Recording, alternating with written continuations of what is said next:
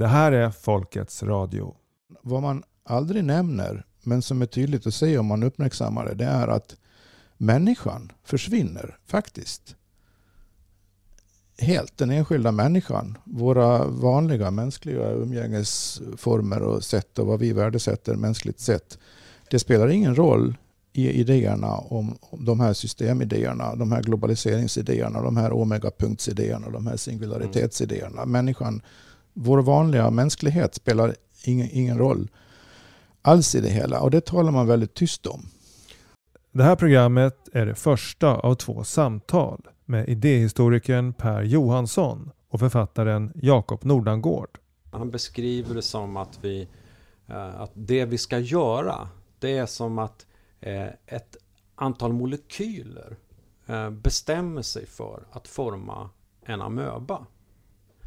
Och, och, det här har man tänkt göra då med hela mänskligheten. Han beskriver nästan i musikaliska termer va? att man ska ha ett system där liksom man kan stå som en dirigent och sen så får mm. man alla att göra rätt. Va? Samtalen kretsar kring frågeställningar om vilka krafter som ligger bakom den extrema utvecklingen mot en allt mer högteknologisk och AI-styrd värld och en allt större global maktkoncentration samt om de religiösa och nyandliga narrativ som lovsjunger transhumanismen. Och, och vad, gör, vad är det då de som inte följer och gör rätt i en sån här organism? Vad kallas det? Ja, parasiter eller cancer. Cancer, va? Och vad gör man med cancer? Mm. Mm. Mm. Det måste man skära bort. Precis, och det är det som är, tycker jag är det mörka och otäcka i, i mycket, i en del new age-tänkande. Att eh, du ska skära bort det dåliga.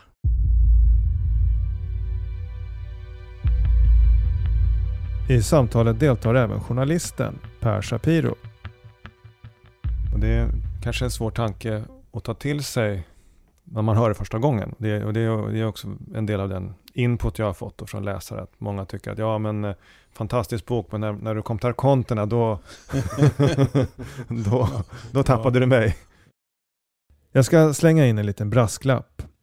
Folkets Radio är ju egentligen ingen sedvanlig podd utan snarare reportage paketerade i poddformat. Det här programmet är ett experiment med mera klassiskt poddande det vill säga ett hederligt samtal. Experimentet är dock inte genomfört särskilt proffsigt. Man hör att vi pratar i tre olika mikrofontyper och ljudnivåerna är ojämna. Jag får skylla på orutin. En glad nyhet är att kunna hälsa ljudteknikern Olof Lindberg välkommen i Folkets Radio-familjen. Han kommer hjälpa mig med slutmixning framöver.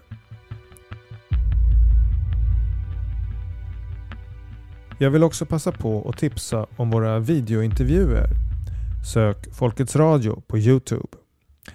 Senaste intervjun är en lägesrapport från Israel med Avital Livni. In Israel the atmosphere is very very difficult and no wonder since our prime minister himself is doing the, the greatest uh, incitement. He, he was uh, saying a few months ago when he just uh, started his job as prime minister he was saying that the unvaccinated people are like people walking with a machine gun on the street, spreading Delta viruses all over. And now, since they started to vaccine the teenagers, he was saying out loud, out loud that he wants the parents of the vaccinated children to fight with the parents of the unvaccinated children. So it's just like to be afraid of each other, to hate each other, to go against each other. In a country where some people have uh, relatives, maybe even parents, who once had to wear a yellow star during the, the Holocaust, how does that play into all this dynamic in Israel with the green passport? The people that are chatting, many of them try to show the other people how it's the same. It started the same if you have a restaurant that you have two signs next to each other, no entrance for dogs and no entrance for unvaccinated, how different it is from what, what happened on, on the Holocaust. But the other side is saying, How dare you compare it to the Holocaust? It's the most sacred and, and you can't compare it. But you have Holocaust survivors saying that it's the same, that it reminds them the same process. It started the same way, slowly, slowly, slowly, slowly. Efter att intervjun legat ute ett dygn har visningen nu villkorats. Logga in och bekräfta din ålder. Den här videon kan vara olämplig för vissa användare. Lite märkligt med tanke på hur mycket våld och brutalitet som kan ses på Youtube utan detta krav. Men det är ju väldigt praktiskt att kunna registrera alla oliktänkande som tittar.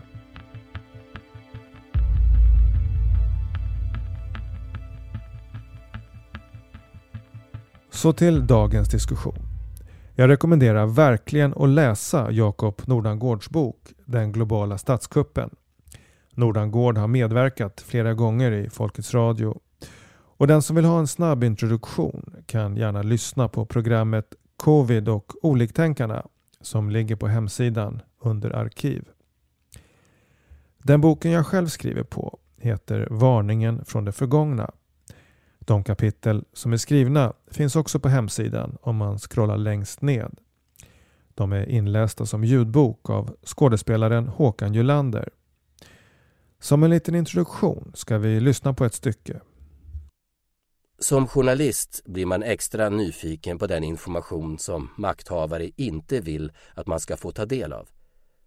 Den berättelse vi ska ta upp i det här kapitlet har av någon anledning varit föremål för mer censur och försök till utplåning än någon annan information i den kända historien. I och med att den romerska kyrkan krossade gnostikerna, förstörde deras tempel och bibliotek, brände deras böcker och skrifter så hade man också segrarens privilegium att sopa igen spåren efter den gnostiska kulturen och förvanska bilden av deras idéer och budskap. De enda beskrivningarna av de gnostiska lärorna som funnits att tillgå har formulerats av tidiga kyrkofäder vars enda syfte med att citera gnostikerna var att visa hur fel de hade. Mytologiforskaren John Lamb Lash skriver träffande att studierna av gnosticismen varit som att ha åklagarens dossier gällande ett fall som avgjordes för 2000 år sedan och utifrån den försöka återskapa den åtalades ståndpunkt. Men så gjordes ett mirakulöst fynd. I december 1945 råkade några egyptiska bönder i byn Nag Hammadi upptäcka en nergrävd urna som visade sig innehålla en samling gnostiska skriftrullar. Texterna har senare daterats till omkring hundra år före vår tideräkning även om de troligen grävdes ner någon gång på 400-talet när den stora romerska utrensningskampanjen var i full färd med att utplåna varje papyrus och varje människa som kunde tänkas vittna om gnostikernas världsuppfattning. Även om de multnade skriftrullarna har visat sig vara extremt svårtydda och tarva många år av pusselläggande är de icke desto mindre de första texter man funnit som var formulerade av gnostikerna själva och som återfunnits i original innan någon kunnat sätta spinn på dem. Även dessa har senare tolkats på ett tvivelaktigt sätt i olika sammanhang. Dessa förvanskade återgivningar nämner heller inget om texternas kraftfulla varning för de kristna judiska frälsningslärorna. Den varningen ska vi titta på i nästa kapitel. Men framförallt har man utelämnat det mytologiska narrativet jordens ursprung och om den kosmiska intelligens som mysterieritualerna gick ut på att sätta människor i kontakt med. Kanske har man utelämnat den delen för att den skulle kullkasta alla försök att få gnostikerna till någon sorts tidiga kristna. Och kanske för att det var denna mystiska kraft och kontaktytan med den som var det verkliga föremålet för den 2000 år långa censuren. Mytologiforskaren John Lamb Lash, som jag flitigt citerar, föddes som ett märkligt sammanträffande i december 1945 samma vecka som de urgamla gnostiska papyrusrullarna återfanns i Nagamadi. Och han har sett det som sin livsuppgift att tyda de multnade fragmenten och göra dem begripliga. Jag hoppas få ha med honom här i Folkets Radio inom kort. Här är ett klipp där han intervjuas av Lisa Harrison. But there is only one source of the Sophia myth. Try to register this. The reason is that this myth has been subject to the greatest repression and destruction of any story known to the human species. Is it because it's the most empowering to the human species? That's exactly right. You used the word empowerment when we were talking before we started to record. Hmm. You said you would like to leave people with a sense of empowerment. Well, I can assure you that the sacred myth of the Aeon Sophia, which was the centerpiece of the pagan mysteries before Christianity, is the most empowering narrative in the world. And the reason for that is simple because it is the narrative of the earth itself. It's the biography of the earth. And the fact is that there is no other story, no other narrative known to human beings that has ever been so repressed and attacked as this story. Och vi kan behöva lära oss ett nytt ord. Ungefär en tredjedel av Nag Hammadi-rullarna handlar om en sorts kosmiska tankeparasiter som gnostikerna kallar the archons, som betyder härskare. Gnostikerna varnade för att the archons via psychics eller medium kan implantera vilseledande idéer i det mänskliga psyket, i synnerhet religiösa ideologier. Det mest kontroversiella, för att inte säga explosiva, i de 2000 år gamla textfragmenten från Nag Hammadi är gnostikernas varning för de nya frälsningslärorna som de såg sprida sig från Palestina. Frälsningslärorna var, ansåg gnostikerna, en anomali, ett utomjordiskt tankevirus och de förutspådde att det skulle få förödande konsekvenser för mänskligheten om det fick fäste och spridning. De förutsåg att det skulle leda till terror, förvirring, vansinne och enorm förstörelse ifall frälsarkomplexet fick makt över det mänskliga psyket. And the Gnostics probably lost their lives for what I'm going to tell you right now. The Nag documents, as pathetic and meager as they are, contain a very clear warning to humanity. And that warning is that the archonic parasites will infiltrate and try to control humanity through religion. And they specifically designated the religion of what I call salvationism, of Judeo Christianity, Abrahamic religion. Det får räcka som introduktion. Då lämnar jag över ordet till min namne som modererar vårt första samtal.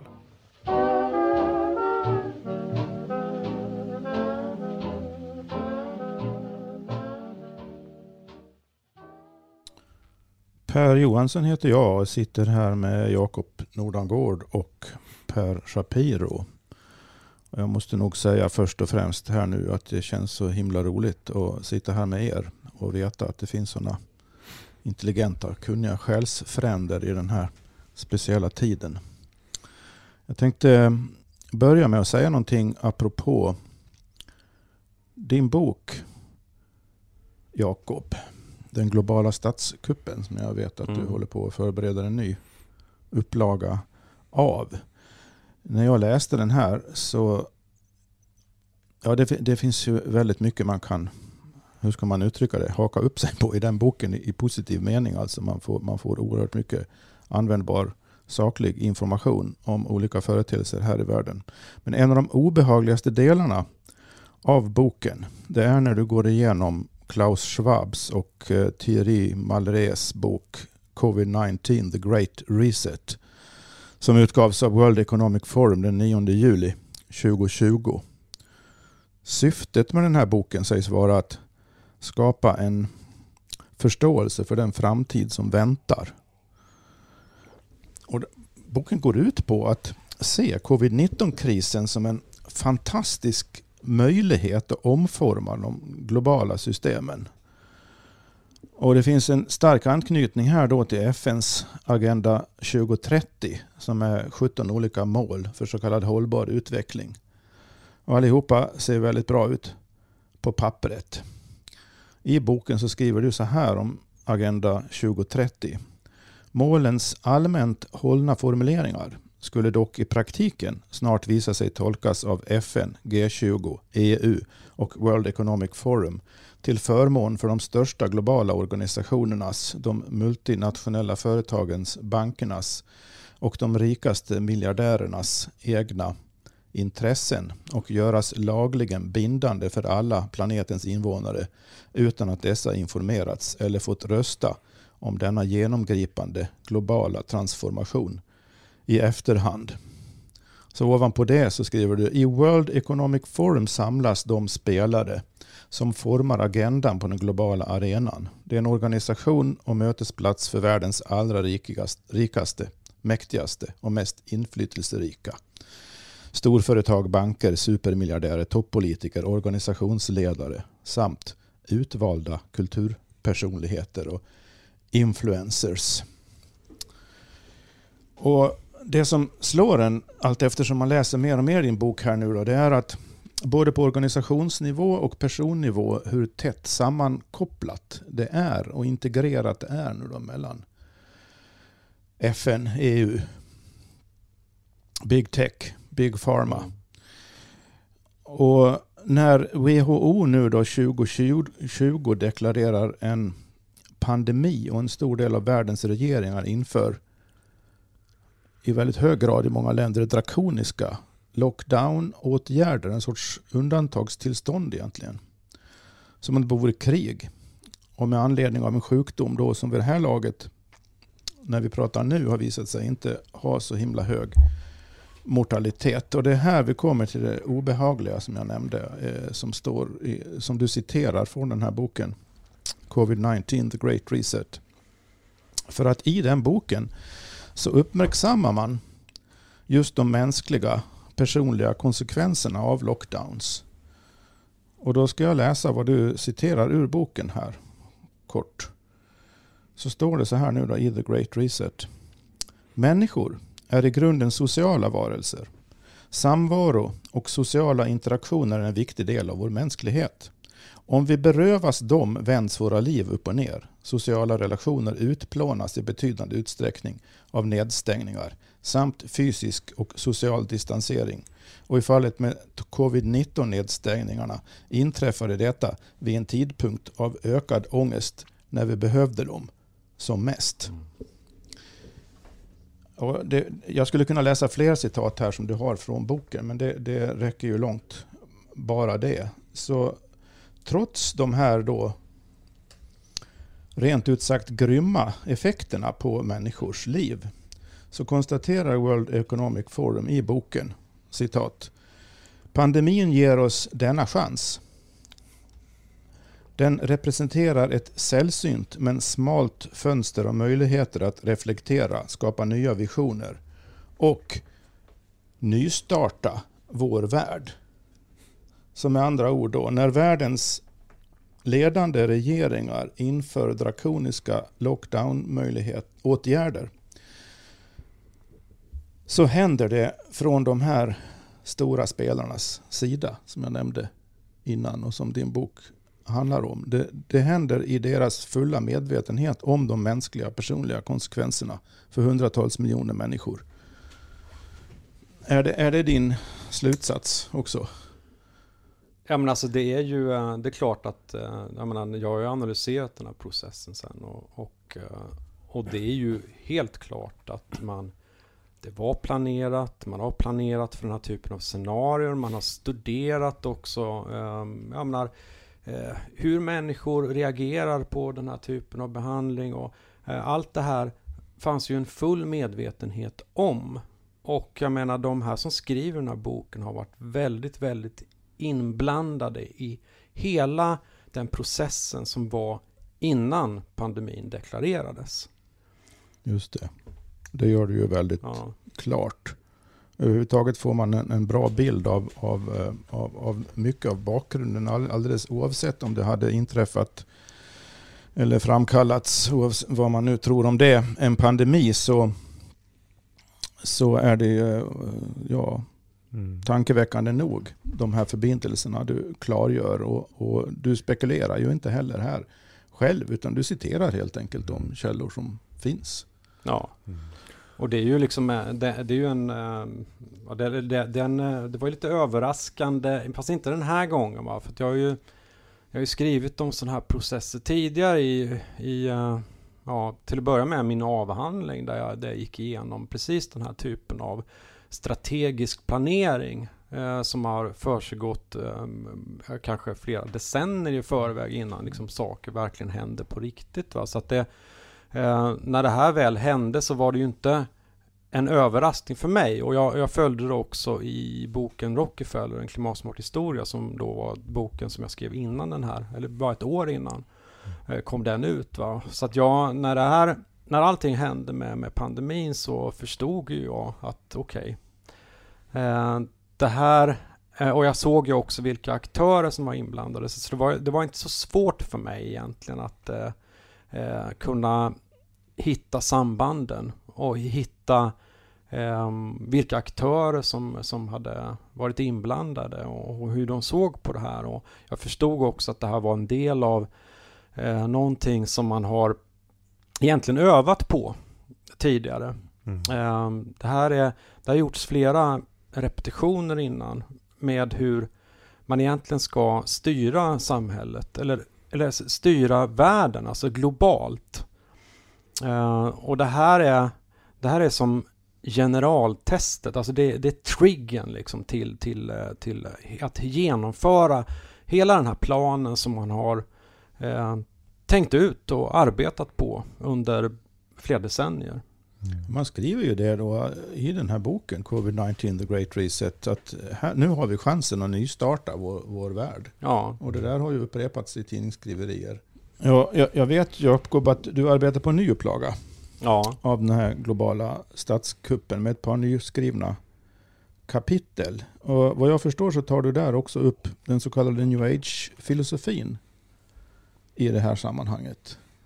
Eller ja. Har jag fattat rätt? Ja, det är, det är helt riktigt. Vill, vill du bre ut dig lite grann om, om hur du, vad som fick dig att lägga till de kapitlen och, och eh, vad som så att säga är new age i, i någon menings relevans här?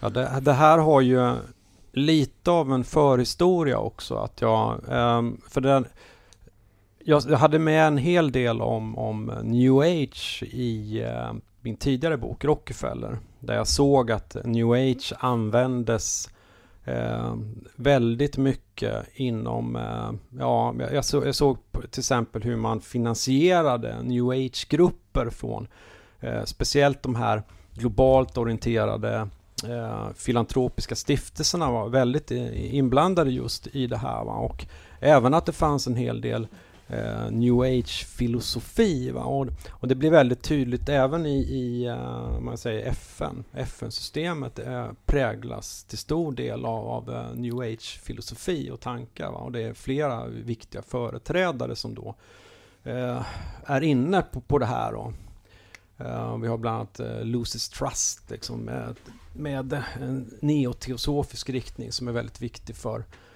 för det som sen blev new age, va? Mm. som är väldigt centralt i, eller väldigt nära, tätt sammanvuxet med, med FN egentligen. Eh, men att jag, att jag la till det här med, eh, med de här kapitlen också, det var för att jag kunde sen observera hur, hur, hur new age-filosofin samtidigt kom, kom upp till ytan väldigt tydligt. Och, och och det visade sig bland annat under, ja, även då när jag skrev ett av kapitlen som handlar om eh, Donald Trump i den här boken. Ehm, så, så uppstod det en rörelse som, som hyllade och såg Donald Trump som, som en slags frälsarfigur som skulle göra upp med eh, globalisteliten och det var pedofilnätverk och det var allt skulle, skulle Donald Trump och hans vita hattar lösa. Och, och det här ingick i, eh, någonting som kallas Qanon-rörelsen. Eller det blev, det blev det till slut. Eh, och, och i den här, den här Qanon-rörelsen var eh, kunde man sedan observera spred sig i new age-grupper till stor del. Eh, och som var, det, var också, det var också lite överraskande med tanke på budskapen i, i new age om kärlek och annat. Va? Att man då eh, på något sätt upphöjde en figur som Donald Trump liksom, till en till en hjälte med tanke på hans historia bakåt i tiden. Mm, det minns liksom jag, inte, jag reagerade inte, på inte också. speciellt väldigt... den figuren va, som... som paradoxalt. ja, som ja, grab them by the pussy liksom. Han ska liksom, eh, han ska rädda liksom barnen va. När han inte själv är på Epsteins Island så ska han rädda barnen. Eh, ja, ja, men visst den här vänskapen som ja. fanns där va. Så att det, är, det är helt osannolikt va. Och, och för mig visar det här också hur pass eh, vilken, vilken enorm, eh, alltså den här propagandan, liksom, det här är ju liksom en slags motpropaganda då. Men hur man lyckas få människor att acceptera liksom saker som egentligen borde gå, gå emot och ta liksom, eh, förnuft och, och annat. Mm. Va? Eh, och Så det här fanns ju med i det här kapitlet då, om Donald Trump, där jag nämnde med Qanon och, och hans eh, Trumps roll. Och sen då när så kunde man ju observera, och det här, jag menar, boken kom ju ut i, i början av december förra året. Va? Så jag hade ju inte ännu hunnit observera vad som skulle inträffa. Till exempel då så började formeras sen en, en eh, om man säger ett motstånd, en motståndsrörelse till, till eh, nedstängningar och alla åtgärder. Och det blir ganska tydligt snabbt att många av företrädarna för eh, den, eh, den här motståndet tillhör new age och har den filosofin och, och väldigt öppna och utåt med det här och, och dessutom då har den här Qanon-narrativet är väldigt, väldigt påfallande i, i de här grupperna. Mm. Eh, som, som i sin tur leder till att de blir då eh, lätta att, att attackera. Va? Mm. Det, fin ja. Ja. det, finns mycket vi att, att dra i här. Vi återvänder till vissa grejer, tänker jag. jag. Jag skulle bara vilja säga en sak som vi kanske kan ta upp senare när det gäller Qanon. Jag vet att vi har pratat om det utanför den här inspelningen. Mm. Att, att i, i det fallet, så som i många andra sådana här så kallade konspirationsteorier, så dyker det upp också saker som man kan dubbelkolla på annat håll och få bekräftat att jo, men det där, det där låter i förstone väldigt egendomligt och konstigt, men det verkar som om det faktiskt stämmer. Som tar det här med barnhandel och sådant mm. till exempel.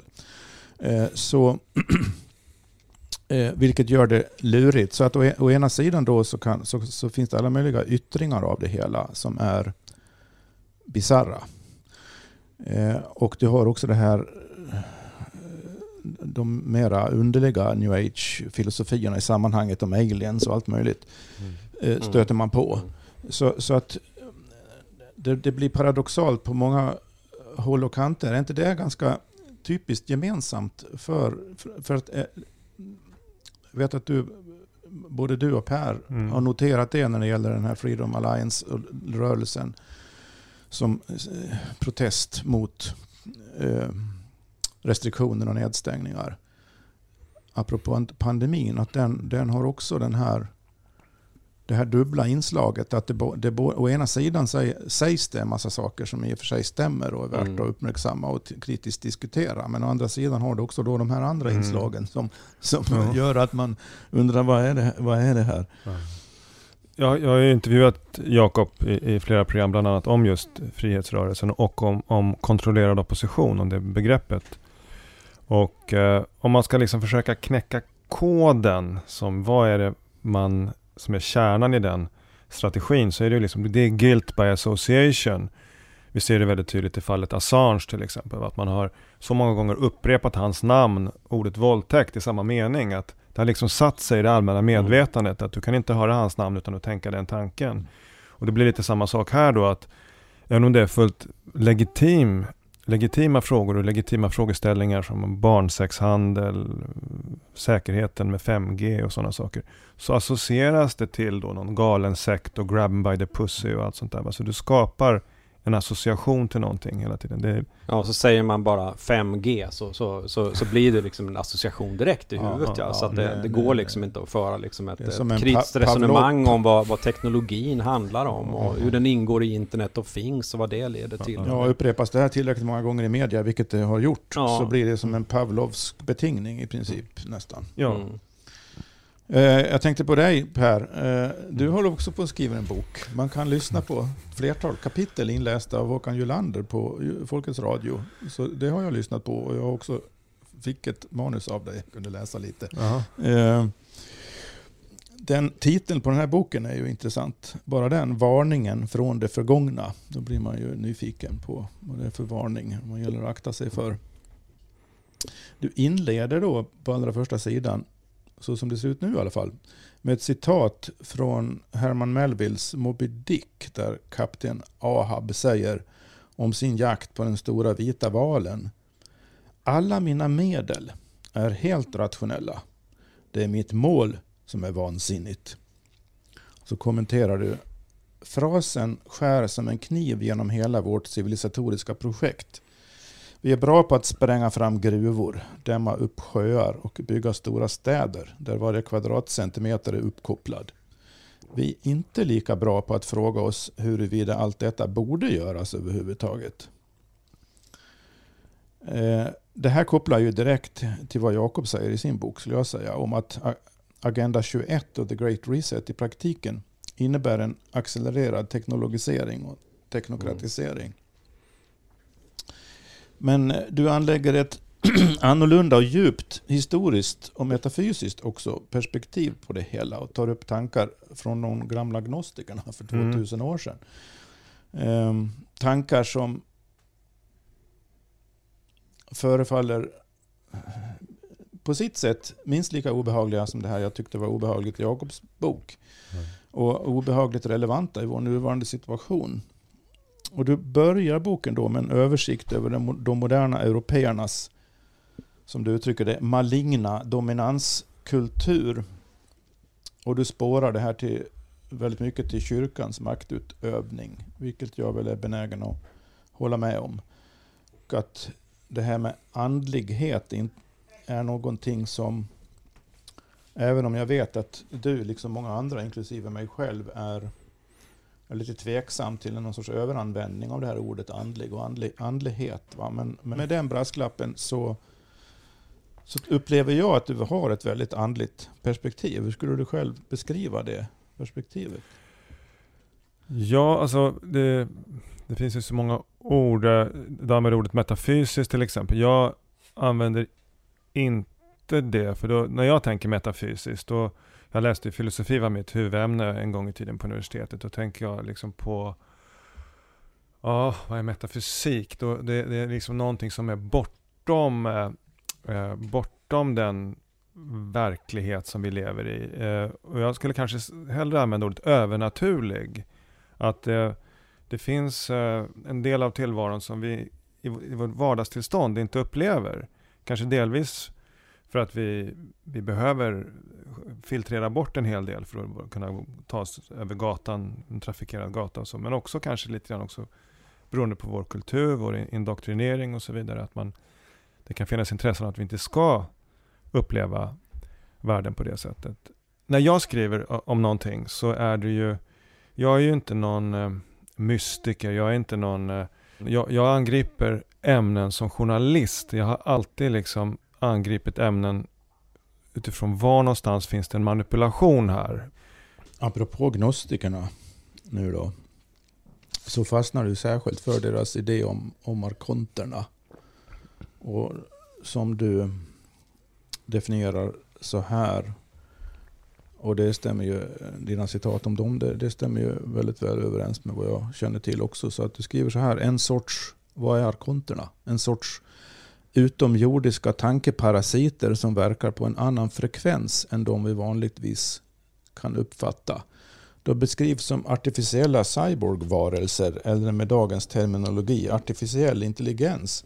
Deras värld beskrivs som en simulering. Arkonterna saknar människornas kreativitet men de är mästare på att förvanska. De har förmågan att implantera tankar och koncept i våra psyken. Och jag har ju märkt att när vi tre sitter och pratar och diskuterar så ligger kopplingarna mellan ditt perspektiv och Jakobs kartläggning av reella maktkonstellationer i världen aldrig långt borta egentligen. Så det skulle vara intressant att höra hur du vill själv liksom spontant beskriva de kopplingarna. Ja, precis. Och, och, och, det där är väl liksom ett, ett, ett, exempel på varför jag tycker att man, jag hellre använder ordet övernaturlig än, än metafysisk. Och då skulle man kunna tänka sig arkonterna som en metafor för någonting. En metafor för våra mm. destruktiva beteenden och sådär. Men det här är inte en metafor, utan det är liksom en realitet som verkar på en frekvens som vi kanske i vardagslag inte upplever, men som ändå påverkar oss. Sen då, det, det är fascinerande också att, att eh, människor som levde liksom för 2-3 tusen år sedan hade en sån klar föreställning om, om det vi idag då kallar för artificiell intelligens, när de inte hade någon, någon teknologi. Eh, och eh, jag brukar tänka på det lite grann ibland som om man, om man går i, i skogen och så har någon slängt en, en kolaflaska där. Så kan man säga, men den hör ju inte hemma här. Mm. Men däremot om det kanske är gräs så kanske man inte ser att den, den är väl, påminner väldigt mycket om det. Och det, det är väl så man ska förstå den här arkontiska påverkan. Att liksom, många av våra föreställningar och, och tankegods kanske känns som att det är någonting som har uppstått naturligt i våra egna psyke, men, men det kanske inte är det. Och det är kanske en svår tanke att ta till sig när man hör det första gången. Det, och det, det är också en del av den input jag har fått från läsare, att många tycker att ja men eh, fantastisk bok, men när, när du kom till arkonterna då, då, då tappade ja. du mig. Um, men just att du nu, nu använder ju inte gnostikerna själva bokstavligen begreppet artificiell intelligens, utan det är ju din, din eh, koppling eller association. Jag, den säger mig i och för sig väldigt mycket, för jag tänker att det har med maskinmässighet att göra i betydelsen själlöshet. Mm. Att det är någonting som så att säga bara... Det finns en drivkraft bakom, någon sorts Ja, en drivkraft och man kan kalla det vilja om man vill. Men det, alltså, det är på väg någonstans. Det finns en, det finns en, det finns en i, i någon icke-mänsklig avsikt på ett sätt. Men det, är, det har ingen liv, eget liv i sig överhuvudtaget. Är det, är det ungefär så du mm. associerar? Ja, alltså de skriver ju, gnostikerna, att, att arkonterna saknar intentionalitet. Just det, just det. Och så skriver de också att de kan liksom inte skapa någonting originellt, men de är mästare på att förvanska och göra liksom kopior. En sorts frikopplade manipulativa intellekt ungefär. Ja, mm. jag kommer ihåg första gången jag hörde talas om det. Det var det faktiskt inte någon som var speciellt insatt i, i gnostikerna som pratade om Archon. Så jag tyckte mest bara det kändes väldigt konstigt. Det, det tar ett tag liksom, men det... Jag tror för mig är det väl framförallt när man ser hur de beskriver deras egenskaper och så tittar man på liksom hur, vad som har hänt i världen sedan dess och hur makt fungerar. Liksom. Då, då ser man verkligen konturerna av, av någonting i grunden liksom främmande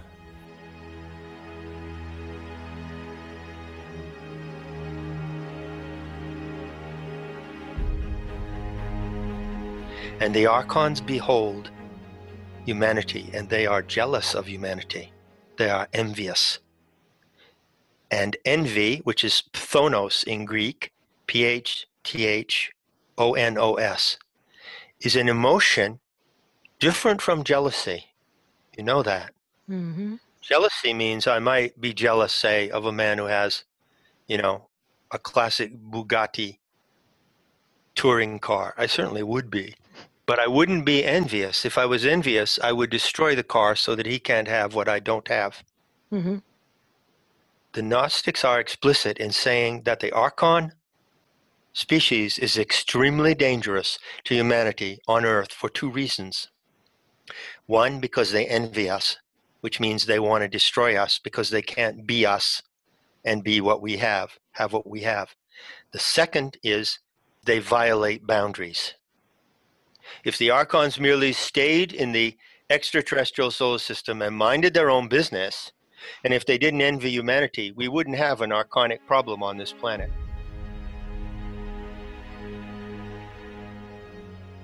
Min egen uppfattning är väl att det rör sig om...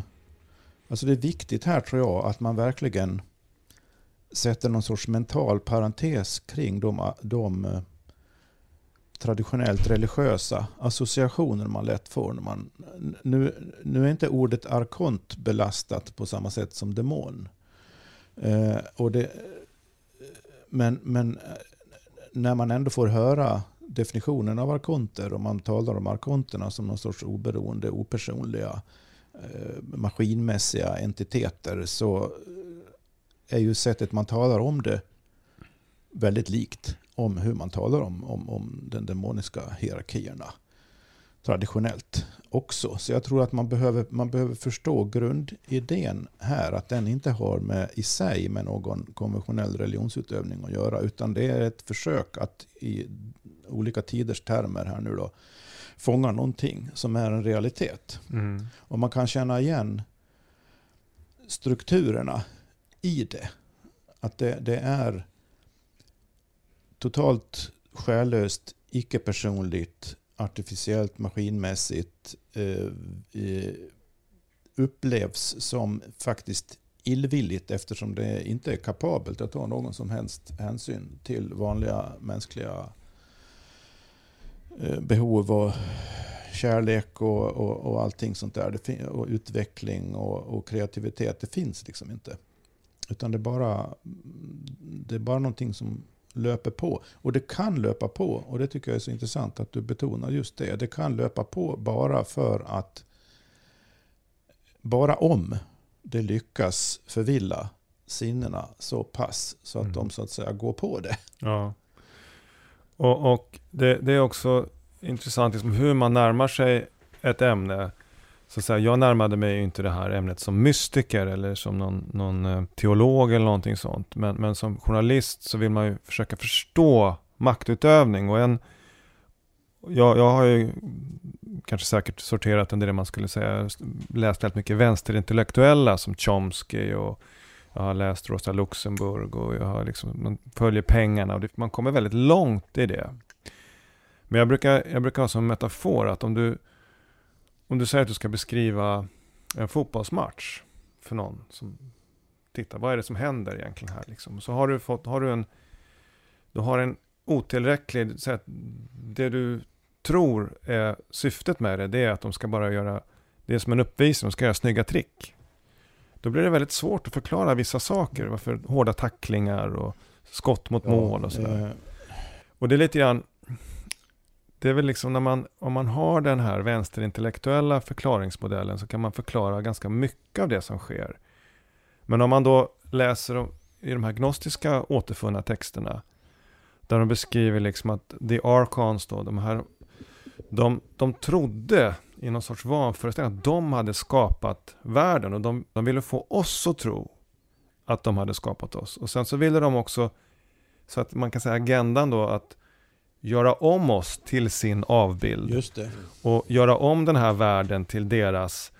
Och om man har det som en förklaringsmodell, då blir fotbollsmatchen just nu plötsligt mycket mer begriplig än om man bara har det här äh, följdpengarna. Där är ju kopplingen till den pågående teknokratiseringen så Exakt. oerhört uppenbar. För, för den, den handlar ju egentligen, som, som jag ser det, också bara om en sak och det är nämligen att omforma världen, naturen, människan efter, efter en, en, en teknokratisk systemmodell egentligen. Mm. Alltså jag kommer ju att tänka också här på New Age. Mm. Uh, alltså med, med den här idén om att uh, de här då entiteterna har lurat uh, oss att de har skapat uh, människan. Va? Uh, för det här är ju en, uh, en ganska vanlig föreställning. Till exempel uh, man tänker på Erich von Däniken och vi har Zekaria Sitchin. Vi har många av de här Ancient, vad heter det? Ancient aliens. Ja, aliens va? Alltså den, den typen av new age spår va? Där man pratar om utomjordiska entiteter som, som, som då egentligen med genetisk manipulation har, har skapat människan. Va? Så att det, det är intressant hur det, här, hur det här går ihop med varandra. Verkligen. Ja. Jag tänkte också, du beskrev ju i ett av de här programmen Myter och Mysterier hur du, när du var betydligt mycket yngre, hade blivit lite förförd av Richard Dawkins Mm, beskrivning mm. av oss. Vi är i stort sett bara en maskin. Att det finns någonting också förföriskt i det här eh, sättet att se på, på världen. Ja, det, det är ju en, en, det finns ju något det finns ju något förföriskt i det där när man är ung, ung i alla fall för att, och, och tycker att ja, men det här var skarpt tänkt och det här verkar ha vetenskapligt stöd och så vidare. Och, och, och, och det, det finns ju ingen liksom eh, etik i det egentligen. Så man är ju ganska befriad från, från vanlig moral, man säger så. Inte för att jag var en totalt lössläppt värsting. Men, men det fanns ju ändå, ändå någon sån där känsla av att det, det, det är öppet och fritt, verkligen. Mhm. Och, men det var inte så länge. Så, för att som jag har berättat i, i våra program också så jag ska inte dra hela den historien nu. Men jag läste något senare en bok av en fransk molekylärbiolog som heter Jacques Monod. Som heter Slump och nödvändighet. Där han drar ungefär samma historia om det här med gener och sånt som Dawkins. Och sen avslutar med att konstatera att ja, men den här verklighetsuppfattningen den är ju helt meningslös. Och eftersom han tror att den här verklighetsuppfattningen är sann så kommer han fram till att meningslösheten är på riktigt. Och nu gäller det att eh, liksom finna sig i det. Om man då är riktigt hjältemodig och, och, och fattar hur det är så då finner man att ja, livet är meningslöst. Ja, var ju trist. Så eh, det där reagerar jag på. För jag var jätteintresserad av det här liksom evolutionsbiologiska vetenskapen i och för sig. Så att det tyckte jag var intressant. Så när jag kom till det här slutkapitlet och det stod så, så tänkte jag, va? Nej men vadå? Va? Det här stämmer ju inte. Så, så det, det, reagerar jag på. Och den, den, den världsbild som den här typen av rationalistisk evolutionsteori torgför är ju, trots att den har blivit oerhört sofistikerad och ekologisk och systemteoretisk på alla möjliga vis vid det här laget jämfört med när Selfish Gene först kom ut 1976, så Dawkins bok, så är ju hela, på, en, på ett abstrakt plan, hela scenariot av hur livet fungerar maskinmässigt. Mm. Och väldigt likt det här med arkonterna. Och jag tror inte det är någon slump att man kopplar ihop de här idéerna om ancient aliens som genmanipulatorer. Just genmanipulatorer till Mm, exempel. mm. Va? Visst. De här idéerna som verkar så totalt disparata och ofta framställs som anti varandra är egendomligt kompatibla Mm. samtidigt i sina konsekvenser på hur man ser på människan. Om, om vi tar upp den här teknokratiseringstråden här nu då, man kan relatera det till New Age också, det tycker kanske många är konstigt, men berörings, den gemensamma nämnaren här har ju blivit det som kallas för transhumanism, Mm. eh, som går ut på att förbättra människan med tekniska medel och idén om, idén om förbättring av människan fast med icke-tekniska medel men väl med till exempel alkemiska medel. Mm. Den är ju gammal och befolkar New Age i hög grad i olika varianter. Mm, i den här jo, ja. människoförbättringsidén så Mm, att säga. Mm. Eh, Jag har ju studerat och funderat oerhört mycket på det. Vi har gjort några program om det jag också, jag och Erik Skylt. Så Därför är jag väldigt nyfiken på hur du skulle, hur skulle du beskriva de här kopplingarna i förhållande till det här Gre- Great Reset-idén Agenda 2030 och alltihopa. De här kopplingarna mellan teknokratisering, människoförbättring, integrering människa-maskin, new age som någon sorts andlig heterogen rörelse med vissa gemensamma nämnare. Och det, det Mm. som jag vet att du har slagits av och som jag har slagits av också, det är ju att hur, hur så att säga nyreligiös den här transhumanismen Mm. känns. Eh, men kan, har du lust att utveckla liksom allt du har kommit fram till när det gäller det? Du behöver inte hålla på i två timmar, men Nej, men- en kvart alltså- kan du väl köra? Ja, men, men alltså jag har ju jag har ju haft mycket funderingar liksom över var, var det här kom ifrån. Va? Och, eh, så att jag har ju gjort min, mina efterforskningar. Jag kanske inte kom tillbaka till gnostikerna men det, jag har ändå berört det liksom i, i tankarna. Va? Liksom, för man kommer tillbaka till hermetism bland annat. Va? Alltså det, eh, det, här, det landar i ockultism. Mycket av det här med, som handlar om, om transhumanism. Och, och bland annat så kom jag i kontakt för, jag vet det var många år sedan nu va, men med namnet John Dee. Mm. Och det här tyckte jag var ett, ett otroligt, en otroligt viktig del liksom, i, i liksom, historiens utveckling mot eh, den här globaliseringen och allting. Och att, att John Dee var ju då hovmagus hos Elisabeth den förste vid, eh, i England på 1500-talet. Han var liksom ett universalgeni och kunde, kunde liksom allting om navigering och alltså geografi och, och annat. Och han var en av dem som, eller kanske en av de viktigaste för liksom planerandet av eh, koloniseringen av Amerika egentligen. Att, och, och idén om att eh, England skulle ge sig ut på världshaven och exploatera världen, ta kontroll över den, över alla resurser. Och det är en aspekt, det är, en, det är den geopolitiska aspekten av det. Men han var också, eh, förutom då, och jag menar, här är det 1500-talet så att man har ju inte ännu separerat eh, eh, den här kosmiska från, från det, det materiella. Va? Men han såg det som vetenskap, va? Att, att också då ta kontakt med, eh, egentligen då, han är väl i 50-årsåldern när han då bestämmer sig för att jag kan inte veta allting om den materiella världen. Ehm, ehm, jag, jag, vill, jag, jag, vill, jag har tagit reda på allt jag kan, men jag vill veta mer. Jag vill veta faktiskt hur den här världen funkar och styrs och då måste jag vända mig till, till någon auktoritet som faktiskt vet någonting om det. Och då vänder han sig till änglavärlden genom eh, och använde ett magiskt system för, för att komma i kontakt med eh, änglar som ska ge honom nycklarna till att förstå världen. Och, och i det här kommer också sen en eh, vision som han får liksom instruktioner genom ett medium som han samarbetar med som heter Edward Kelly.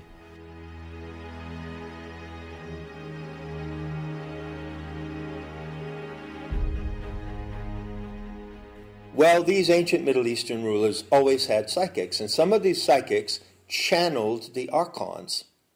And through that channeling, they, the archons introduced their alien mindset into the human mind. And it was taken on as if it were something of the human mind, which it is not.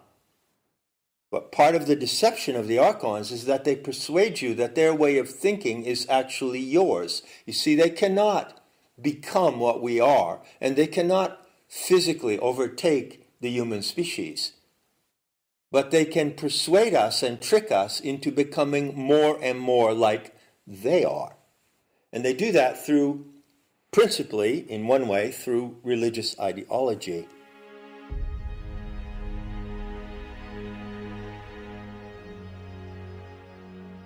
Och där får han eh, eh, instruktioner om egentligen hur man ska kunna omforma världen. Va? Att eh, göra världen perfekt. För det här är ju liksom en... fanns väl en, en tanke här liksom om att eh, världen vi lever i den är imperfekt. Det är någonting, vi må, att det finns ett ursprung. Eh, att man, man var inne på idén om att återgå till Eden. Eden, så vi hade, vi hade haft fallet då och det här. eh, Och eh, John Dee var väldigt eh, upptagen med de här tankarna liksom om Ja, apokalypsen, om och Just det Kristi återkomst och Det allt. här, det här magiska systemet som har kommit att kallas en okeansk magi. Det eh, är ju väldigt intrikat och komplicerat. Och fin, finns det inte något, något arkontiskt maskinmässigt över det här Det- systemet? Det är precis det det gör. Va? För att jag, det tänkte jag på liksom med, med arkonterna, att det är på något sätt vilka, sen kom han ju i kontakt med de här väsen som just gav det här systemet för att kunna eh, få de här kontakterna och få den här informationen. Och, och det här blir ju sen... John Dee är sen en av de viktiga figurerna i, i att starta eh, någonting som heter Rosenkorsrörelsen. Och Rosenkorsrörelsen har då, det är en historiker som heter Francis Yates som har skrivit en rad böcker om det här som just pekade på, på John Dees eh, inflytande över den här rörelsen. Den blir liksom på något sätt startskottet på eh, en upplysningsidé. Och också eh, men där man har den här typen, det är ju, det är ju alkemistiskt tänkande i det Mm, här. det är det. med, att, med att omforma och det, det är idéerna om eh, den vise sten och, och förädla och, och, och göra bättre. Och det här handlar ju både liksom om såväl människa som, som eh, naturen runt omkring oss. Mm. Att vi ska kunna omforma det här. Och det har man då och så har man då haft de här kontakterna där uppåt för att få det. Och sen den som tar över liksom de här idéerna från, eh, från Dee är Francis Bacon. Nya Atlantis. Nya Atlantis, ja. Han han skriver ju den, eh, den boken som egentligen eh, tar upp idén om en, en slags världsutopi. Just. Ja, som ska styras från Solomons house. Med eh, de upplysta, de Den visa. är en sorts, I den boken beskrivs en sorts prototyp för hur ett vetenskapligt styrt samhälle ska fungera. Eller hur? Ja, ja men alltså det är som att det är liksom eh, embryot till Mm. teknokrati. Mm. Mm. expertväldet. Så att vi hittar det och Rosenkorsorden sen influerar ju flera andra, eh, ja, som frimureriet till exempel. De Mm. idéerna leds vidare där och vi har också hur eh, Royal Society är ju någonting som då eh, grundas utifrån eh, de här Mm. idéerna också. Så att det startas liksom en hel vetenskaplig revolution där som Mm. som, som långt senare tar avstånd från egentligen de här ockulta idéerna, i alla fall utåt sett då. Mm. Just det. Ja. Jag kommer att tänka på det också när, när, när vi pratar om de här just teknokratiseringen av världen och liksom idén om att man ska förbättra inom citationstecken. Naturen är inte perfekt utan den ska liksom, vi ska med Mm. ett citat av Derek Jensen, amerikansk författare. Jag ska läsa det för att se om ni får några associationer. Den västerländska kulturen lär oss från födseln att hata livet, hata den naturliga världen, hata det vilda, hata vilda djur, hata kvinnor, hata barn, hata våra kroppar, hata och frukta våra känslor, hata oss själva. Men, påpekar han, det hat som vi burit på tillräckligt länge känns inte längre som hat. Det känns snarare som tradition, ekonomi och religion och så vidare. Så länge hatet är normaliserat så att vår överordning i förhållande till naturen inte ifrågasätts förblir hatet ofta dolt. Men i den stund vår rätt inom citationstecken till billiga resurser eller billig arbetskraft blir ifrågasatt och rådande retorik inte längre levererar flyter hatet och inte sällan våldet upp till ytan. Väldigt träffande. Jag håller med om det där. Att, att det intressanta i det citatet du säger, läste, det, det är ju just den här eh, totala internaliseringen av en Mm. mentalitet som gör att man är, helt omedveten om ens att man har den mentaliteten. Exakt. Mm. Och det, det är ju väldigt kännetecknande för mycket av, av det som får oss att reagera och tänka och bete oss på vissa vis Ja. utan att reflektera överhuvudtaget. Och, och det, det är ju ett mått på arkonternas framgång. Kan man säga. Exakt, det är precis det det är. Att det är någonting som egentligen är väldigt främmande. Att hata livet, hata Mm. våra kroppar. Men det är, liksom, det är så skickligt inkodat så vi ser inte att det är en arkontisk kopia på någonting. Du Som, kan till och med ge sken av motsatsen. ja, Det är ju inte, det är inte så att allt teknokratin och vetenskapen hittar på och konstruerar och är, är dåligt. Och alla vaccinationer är inte dåliga. Men när man, apropå det här nu då, citatet och innebörden i den här internaliseringen av någonting som egentligen går emot oss själva så det, Mm. kan man ju se just, den där, just det artificiellt naturligt motsättningen så tydligt. Så just den här diskussionen naturlig immunitet kontra artificiell vaccinering. Att det blir en diskussion med starka känslor mm. och en dikotomisering. Två sidor som det är, för mig är det ju ett, ett, ett solklart exempel på hur, hur, hur, det funkar det här i, i, i, i den allmänna mm. mentaliteten som liksom kommer till uttryck. En, en annan internalisering i samma an, an, anda, eller snarare icke-anda, är, är um, hur vi tänker på våra egna kroppar och när vi försöker förstå oss själva. Till exempel allt från träning till vad man ska äta till, till hur, hur man mår på andra sätt. Så har vi en tendens att se på hur ska vi förstå oss själva? Jo, till exempel om man, om man, om man känner välbehag så har den med någon kemisk substans i hjärnan att göra. Och är det så att man inte känner välbehag och vill känna välbehag så är det rätta sättet att komma åt det där då är att se till att man på något sätt ökar den här substansen i hjärnan. Mm. Så blir det bra. Och vad innebär det här i praktiken då? Jo, det innebär ju att man har internaliserat en, en, en dualistisk, mekanistisk syn på sig själv och tänker att jag kan bara förstå mig själv via en, en vetenskaplig teknologisk teori om min kropp som en maskin. Mm. Fast jag är i min kropp, jag är min kropp, mm. jag kan själv känna efter. Mm. Jag kan själv förnimma hur det förhåller sig, ja. jag kan utveckla den förnimmelsen, förfina, odla, kultivera den förnimmelsen så att jag begriper mig själv direkt. Utan omvägen runt någon mm. för tillfället rådande vetenskaplig teori. Det där, det där tycker jag är ett väldigt hemskt exempel på mm. den här typen av internalisering. Mm. Ja, det är ju en viktig poäng där, för det är ju precis där, det är ju det man har man har plockat bort det här från så många, speciellt i liksom den västerländska kulturen. Med att eh, det är en... Eh, man, kan, man litar inte på sig själv. Nej. Och man vågar inte känna sig själv alls, utan allting lämnas över till, till en expert. Och det spelar ingen roll vad experten säger, om det liksom är logiskt eller inte, utan det viktiga är att det är en expert som säger det och då lyder man det. Jag, jag, tänkte på en tråd som jag kastade ut lite grann för ett tag sedan som har att göra med eh, dubbelheten i att för, att för mig är transhumanism någonting ont. Och om man då säger att transhumanismen har sin bakgrund i den hermetiska traditionen, vilket jag helt håller med om, det har den. Då är det väldigt lätt att man tänker att ja, men den hermetiska traditionen måste vara ond. Mm. Och det är lite det jag skulle vilja undvika. För att, jag tror att det är den sortens ur, urskiljning man måste lära sig i den här väldigt komplex, konstiga, komplicerade, svårnavigerade tiden med så många olika idéer och inflytelser eh, härs och tvärs.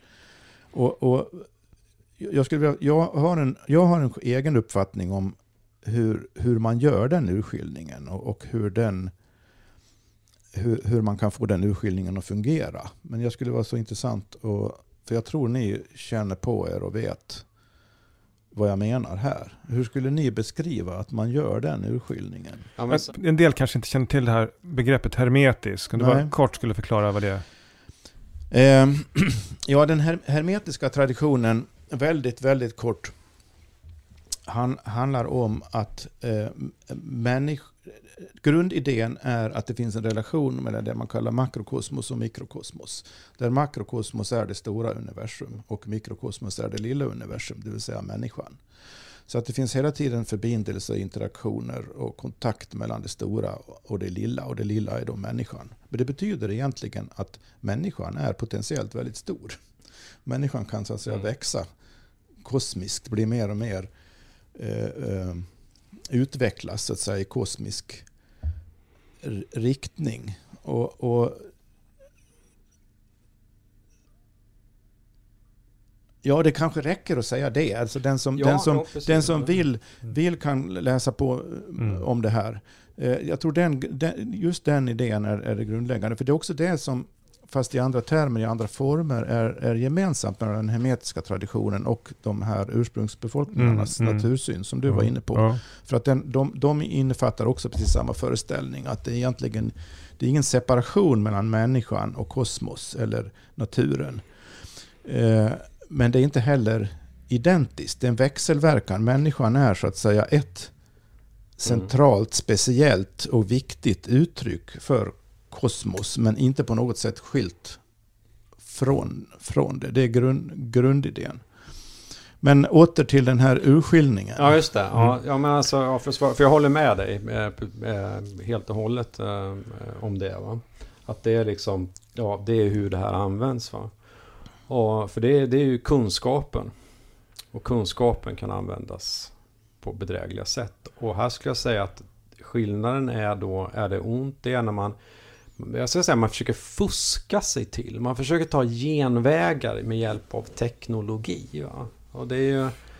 ehm, så man, eh, man försöker liksom skapa, eh, skapa en bättre människa genom att teknologiskt förändra och förädla. Liksom, istället för att man genomgår liksom jag menar, livet är ju en skola liksom där man då man växer genom olika utmaningar man går igenom och så här, kriser och annat. Mm. Och allt det här finns. Alltså det är naturliga processer och det är det som gör att man, man, man blir en bättre människa och man kommer i kontakt med liksom högre plan och annat. Va? Det, är- det är liksom en, en livsresa man gör och det är, en, det, är, det är en naturlig utveckling. Men i det här fallet med transhumanism så, så försöker man då Ja, det, är som att fuska i dataspel. Va? Alltså man köper liksom, man har sådana här banor man går igenom och sen så varje bana så slutar det med liksom bossen som man ska liksom klubba ner. Eh, men så tycker man att det är så jäkla jobbigt att gå igenom de där hundra banorna så man tar liksom och, och skaffar ett sånt här cheat. Va?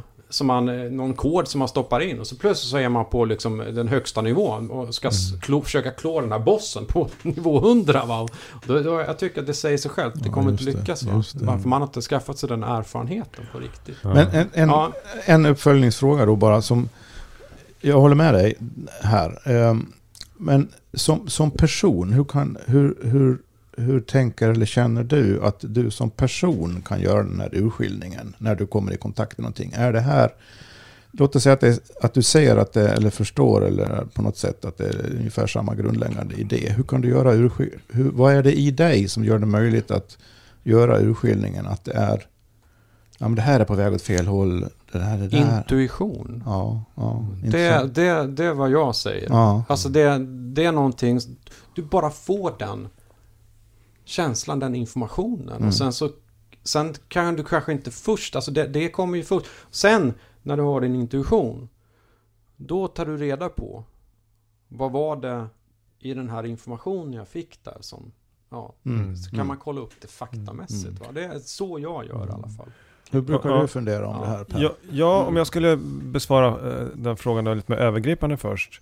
Så när man, när man säger gnostiker, det, alltså det kan ju låta lite dammigt om gamla agnostiken, men egentligen det det, det handlar om, det är ju egentligen det, den eh, ursprungliga människans eh, sätt att leva på den här planeten. Och, och eh, som de, om vi tillåter oss att generalisera lite då, ser den här planeten så är det liksom en kosmisk kraft som de har olika metoder för att kunna försätta sig till som där de kan kommunicera med och få, och få kunskap om hur, om hur de ska sam, alltså co-evolution är liksom deras nyckelbegrepp. Man ska samutvecklas i harmoni med sina regionala förutsättningar, med naturen. Så att i det så finns ju också att man är en del av det här systemet. Så att det, det är väl det som är, skulle jag säga, vatt, vattendelaren. Är det här, är det här en teknologi som, som kan samutvecklas i harmoni med den intelligens som finns i naturen? Eller kommer det bara vara då det här maligna som exploaterar och, och liksom lever, alltså det, det artificiella måste hela tiden ta sin kraft ifrån naturen. Den kan liksom aldrig komma in i det här kretsloppet, det här självgenererande livet. Eh, det skulle jag säga liksom på det övergripande planet, att det är väl liksom en sån, en, en sån skillnad. Transhumanismen, som jag ser det, är inte någonting som fulländar vår samutveckling med naturen utan det är snarare någonting som fjärmar oss ifrån det liksom, och som skapar en illusion av att vi överhuvudtaget kan ha ett liv Och utan... dessutom utgår från ett existerande fjärmande. Ja. Mm.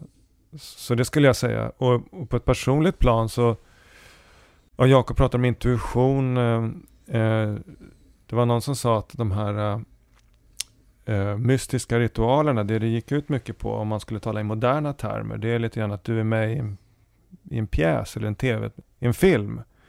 Och du vet att du har en viktig roll att spela och du har vissa viktiga erfarenheter och kunskaper. Men så får du för en kort stund sitta ner med manusförfattaren och diskutera vad din roll, vad det, vad det faktiskt är som du ska göra nu. Eh, och det tror jag är så som, som alla ursprungsfolk har, har levat, att de har förstått sin roll på den plats de lever i, den tid de lever i. Det finns ju intressanta uppfattningar hos vissa sydamerikanska ursprungsbefolkningar som jag har läst en del om tidigare när jag skrev min avhandling minns jag. Som tänker sig att, låt oss säga jaguaren eller aporna eller någon speciell fågel som de kommer i kontakt med då och då. De är inte, eller pekari, svin. De är, de är inte bara det. De är inte bara svin eller jaguarer eller apor. De är, de är också människor. Mm. Det är bara det att de råkar ha en annan gestalt. Och vi, vissa seende personer då, av lite mer shamankaraktär, de kan ibland när de möter en jaguar så ser de människan i jaguaren. Mm. Och ibland, andra, i andra tillfällen när man möter en jaguar så är det bara en jaguar. Mm. Mm. Och det där, det där låter ju bara knasigt för oss Mm. om man inte tänker efter ordentligt. Men egentligen är ju det där ett uttryck för just den där samhörigheten Mm. som, som, som du är inne på. Och, och att, att,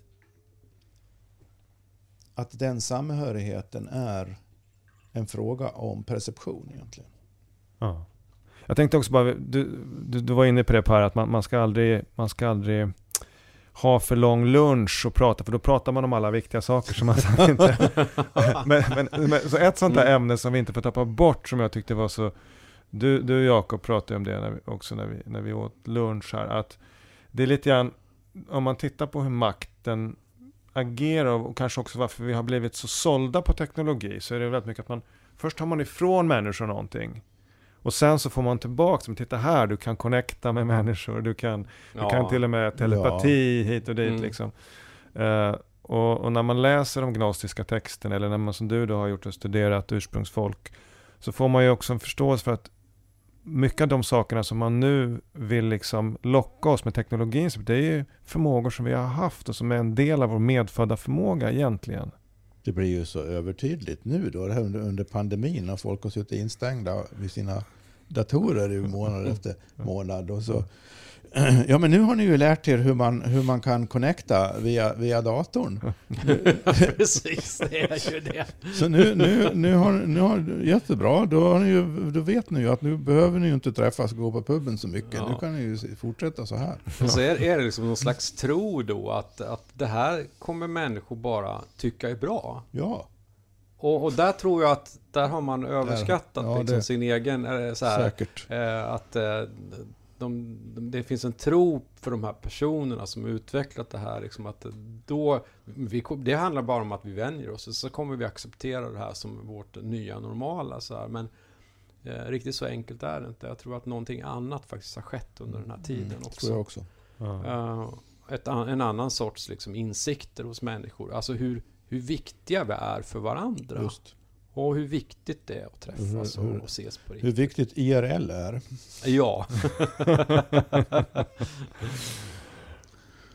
Ja, vi kan fortsätta, fortsätta några timmar till utan problem. Men har, vi kanske ska inte ska göra det nu då. Um, någon Mm. slutkommentar? Någonting vi, någon tråd vi har tappat bort? Nej, men jag, jag tycker ändå att, att det är viktigt att inte tappa bort the great reset och, Nej, och den fjärde industriella revolutionen. För det är där vi befinner oss just nu och vi, vad vi någonsin har befunnit oss i ett vägskäl så gör vi väl det Ja, nu. Håller Eh, verkligen med. Jag tänkte man, man kanske kunde avsluta lite med att blicka framåt vad, i det här vägskälet. Vad, vad det innebär och, och, eh, och jag tänker på dig till exempel då Jakob, den, den här globala statskuppen. Hur tänker du dig att den kan misslyckas? Jag skulle säga att den, den kan bara misslyckas. För att den har ju då en mycket, mycket mäktig motståndare. Va? Och det är verkligheten. Och det är den riktiga intelligensen som vi, som vi har pratat en hel del om. Det som, som, som är vår, vår natur, allting och, och, och mänskligheten också. Det som vi har på riktigt inombords och som binder samman oss.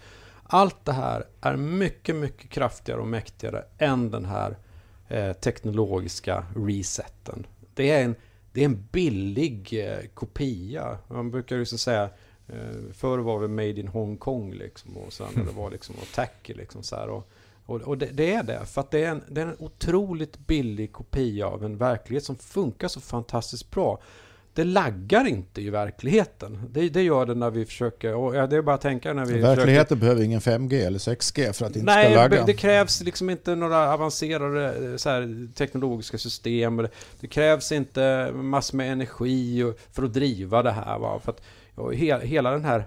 Det är ju det är också någonting som, som, är, som är häpnadsväckande egentligen då. Att Eh, man har lyckats sälja in den här idén till så många och även då liksom gamla miljövänner och andra. Folk som jobbar med, med energifrågor och andra. Som då köper liksom att vi ska bygga upp liksom det här eh, enorma eh, systemet med Internet of, of Things och, och det är sensorer överallt och det är, det och satelliter och det är liksom det är så otroligt mycket liksom teknologi och, och sällsynta jordartsmetaller och allt som går åt det här. Och så kräver det så enormt mycket energi så att jag menar, när, man, när man tittar på det liksom så här, jaha, vi skulle rädda planeten och miljön så här. Alltså det, det är löjligt va? Och ingen ställer en kritisk fråga. Nej, det, det, det, det kritiska Det- det- frågor råder ja. det brist på. Men vad, vad som, eh, det, det som oroar mig, mig, mig det är ju att eh, hur det här misslyckandet kommer att gå till och hur lång tid det tar och vilka yttringar det tar sig. Om vi tar det förfärliga Sovjetsystemet till exempel. Det misslyckades ju också. Men det var inte så kul så länge det varade, om man säger så Nej. för Nej, de visst. som drabbades på alla plan, inklusive miljoner döda. För att inte tala om Nazityskland. Och man kan ha Mao Kina, det finns fler exempel. Så vi vet att saker som misslyckas kan ställa till med fruktansvärt mycket elände innan det misslyckas. Så att sitta och vänta på att den här transhumanistiska Great Reset ska misslyckas är inte, är inte någon... Nej. någon Nej, det är ingen option, utan- nej, utan, utan, eh, ut, vi och måste- det, det är faktiskt nu det gäller. Ja. Det är nu, det är nu måste man, agera. man måste allra minst säga, säga att nej, men det, där, det där går jag inte med på. What's that I hear now ringing in my ears? I hear it more and more. It's the sound of freedom calling, ringing up to the skies. It's the sound of the old ways of falling. You can hear it if you try. You can hear it if you try.